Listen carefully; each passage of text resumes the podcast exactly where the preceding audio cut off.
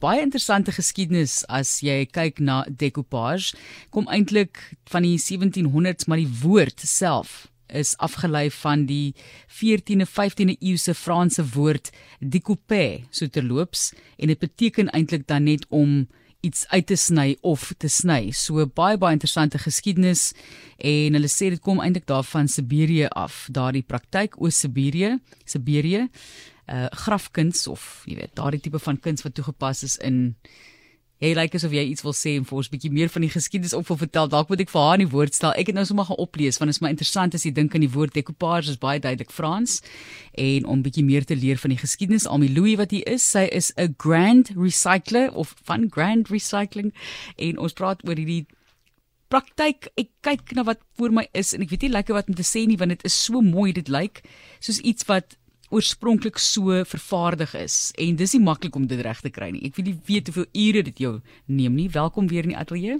Ag, baie dankie Martelies. Dis altyd so lekker om terug by jou te wees. Baie dankie. Dankie vir die geleentheid. Ons het gepraat oor herwinning en hoe om iets anders te maak met herwinde materiaal bestaaring met jou. Hierdie is op 'n ander vlak, maar dit is amper dieselfde konsep. Voordat ons nou verder gesels, die idee dat jy nie hoef te gaan nou in 'n klomp goed gaan koop nie.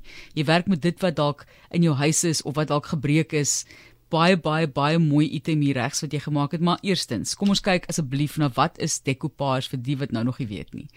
Ja, ek dink ek gaan dit baie eenvoudig hou. Waar kom decoupage vandaan veral vir ons van Suid-Afrikaners? Elke kunsvorm kom ons maar iewers van 'n oorseese land af, maar ek dink decoupage is een van die eerste kunsvorm handkunste wat in Suid-Afrika begin is en waar mens ehm um, papier, mooi kersiespapier, die herwinning van kersiespapier kaartjies uitgesny het en dan ehm um, Ek dink van die oudste vorms van decoupage is mense wou hulle meubels en hulle mure mooi maak voor die tyd van plakpapier. Ja. En hulle het uh, enige kaartjie of uh, papier wat hulle in die hande kon kry, is die prentjies daarvan uitgesny en op die mure geplak en op die meubels geplak om dit mooi te versier.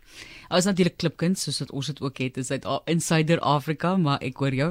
So as jy kyk na dit wat voor my is, dit lyk soos iets wat regtig in 'n winkel staan wat vervaardig is in een of ander fabriek daar met spesialiste en jy het dit met die hand gemaak. Dis regtig pragtig. Mense kan op 'n stadium ook gaan kyk.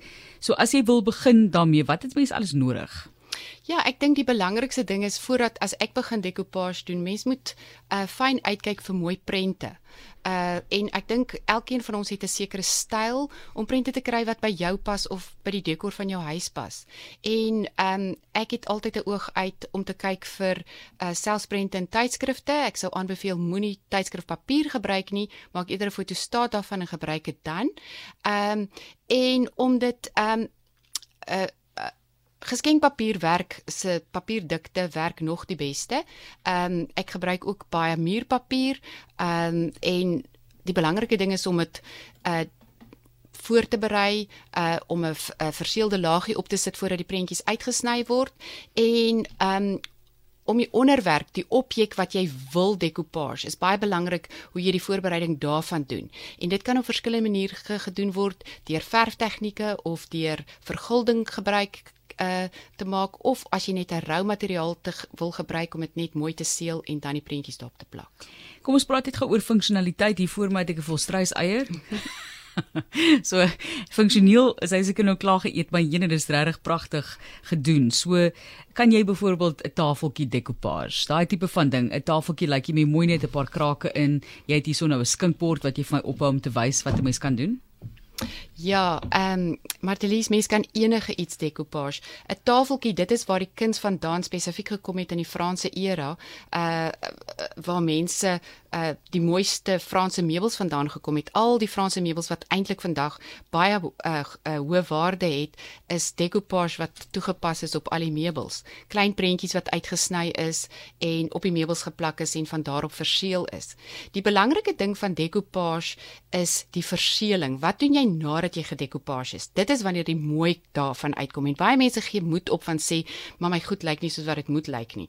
En ehm um, die verftegnieke wat jy uh jou objek voorberei is baie baie belangrik en dan die oomblik as jy hom uh op 'n objek geplaas het soos byvoorbeeld op daardie eier, ehm um, is daar die lae vernis wat oor en oor en oor in verskillende rigtings ingesit is en ehm um, opgesit word en 'n bietjie geskuur word, opgesit word en weer bietjie geskuur word en dit is wanneer jy daai glas effek begin kry. Kom ons praat oor duursaamheid. Jy praat nou van hierdie duur Franse meubels ek meen hoe oud is dit natuurlik dit is is al baie baie oud van hierdie meubels so dit moet hou Ja. En hoe lank hou dit? Ja. Jy sê ons gaan nou praat oor die hele proses, jy moet ons daar deurvat want dalk wil mense dit by die huis doen. Jy sit nou en kyk iets in jou kantoor of by die huis en jy dink, "Oké, okay, dit het nuwe lewe nodig en ek wil dit nie net verf nie. Verf is mooi, maar baie keer maar 'n bietjie vervelig." Ja, ek dink as ons die vinnige proses deurvat van die begin af, die belangrike ding is, is om seker te maak dat jou objek baie mooi skoon is. Daarna moet dit behoor met met 'n uh, 'n uh, uh, geverf word met 'n waterverf tipe, akriliekverf moet dit geverf word mee. Ehm um, dan beveel ek gewoonlik aan om dit af te skuur dat dit so sag en so glad as moontlik is. Ehm um, nadat jy jou objek geverf het om 'n laagie verseeling bo-oor te sit, ehm um, ons gebruik ehm um, in die algemene taal noem ons dit Mod Podge, meeste mense ken wat dit is, ehm um, om dit dan te verseël. Dan gaan jy uh, wag laat dit droog word en dan vat jy jou prentjie wat jy uitgesny het met 'n baie klein fyn skertjie om die fyn kante daarvan uit te sny. Die belangrike ding van die uitsny van decoupage is om al die wit papier of die agtergrond moet heeltemal weggesny word sodat net die prentjie agterbly. Goed. En is altyd maklik nie. Dit is nie altyd maklik nie, maar 'n fyn skertjie kan die werk doen of 'n baie klein sny uh, messie wat mens op 'n 'n 'n mat, 'n matmes uh, Goed, ja. uh kan mens dit uitsny. Ehm ja. um, ek dis nou nie 'n matmes nie, 'n uh, snymat. Dis die woord Afrikaanse woord daarvoor om dit uit te sny daarop. En dan ehm um, moet hier word hierdie prentjie vasgeseël op die objek met dieselfde verseeling wat jy gebruik het om hom bo-oor te sit. So uh om die taal in in die kraftwêreld van te praat, Podge werk perfek. Uh dit word agter die prentjie aangesit. Die prentjie word bo op op die objek vasgedruk. En as jy plat objek mee werk, is dit baie baie belangrik dat ons uh om al die waterblaasies en liggies en gom uh uit uh te vryf. Een van die maniere wat die belang wat die maklikste werk is om 'n web wipe bo-oor te sit en dit of met 'n koekrollertjie te rol of met 'n handrollertjie 'n 'n 'n kraftrollertjie wat mens kry, dit uit te rol en om so so glad as moontlik op jou objek vas te sit. Baie slim. Hy moet dan staan en droog word vir 'n rukkie. En dan begin jy met die opbou wat gaan maak dat die objek vir jare gaan hou dan kan jy of 'n veroudering daarop doen. Ehm um, en as jy besluit om nie 'n veroudering daarop te doen nie, maar jy wil 'n glanseffek hê, dan is dit 'n proses van min of meer 40 na 60 lae verseeling wat jy bo-op moet sit.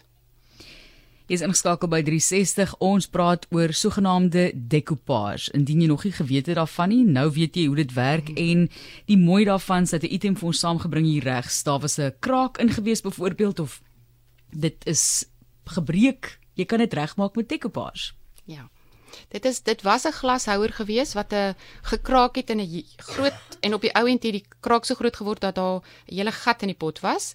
En ek het papier geneem en hom van binne af opgebou met dieselfde verseeling met Mod Podge en bo-oor en hom so um, opgebou met gewone papier totdat die pot se glas gelyk was. En toe het ek met laapapier oor en oor en oor op die glaspot begin plak en om 'n agtergrond te kry en toe prente begin uitsny en op dieselfde proses wat ons nou net verduidelik het dit weer bo-op geplak. Sy is die Grand Recycler en dit is hier op RSG waar ons praat oor decoupage. Is 'n wonderlike manier om iets nuut te maak. Almie Louis wat met ons gesels en julle is ook daar by die Woordfees betrokke. Kan mense daar by kom kuier?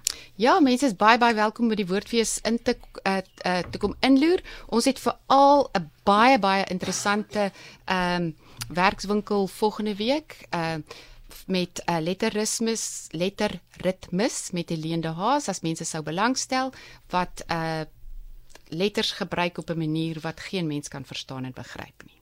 Okay. nou wil ek weet hoe werk dit. Wat geen mens kan verstaan of begryp nie. Jy sal dink die, die rede is daarvoor of die funksie daarvoor is is jy is om te kommunikeer, maar dit is baie interessant. Gaan vind uit ons moet dalk bietjie met haar ook gesels. Almi, wat is jy tans mee besig as dit kom by decoupage? Wat lê voor?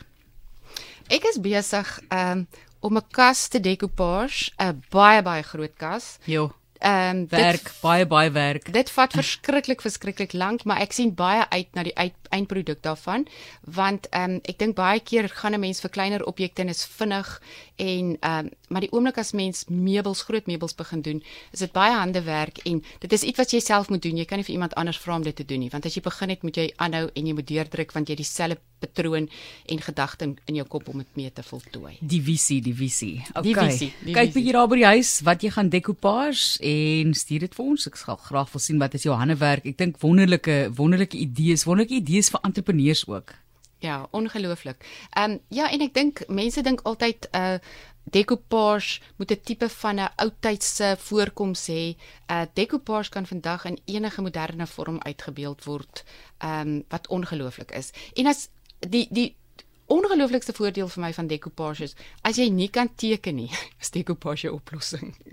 OK, uiteindelik. Ek kon nog nooit regtig. Wel, ek het baie klasse ook geloop nie en swan nie regtig vreeslik baie probeer teken nie, maar ja, een keer het ek vir my 'n boek gekoop. Ek gaan nou 'n stoel teken. Weet jy hoe moeilik dit is om 'n stoel te teken? Ja, ek sê vir jou, maar ons sê vir jou baie baie dankie vir inspirasie. Dit is iets wat jy dalk wil begin doen. 'n idee vir jou. Dink ek regtig in terme van entrepreneurs. Daar's so baie wat 'n mens hier kan doen en dit verg daardie kuns en handewerk wat jy self moet oefen. Almi Louis van Grand Recycler. Jy kan kyk na die webblad ook. Meer inligting daar beskikbaar. Baie baie dankie vir die kuier.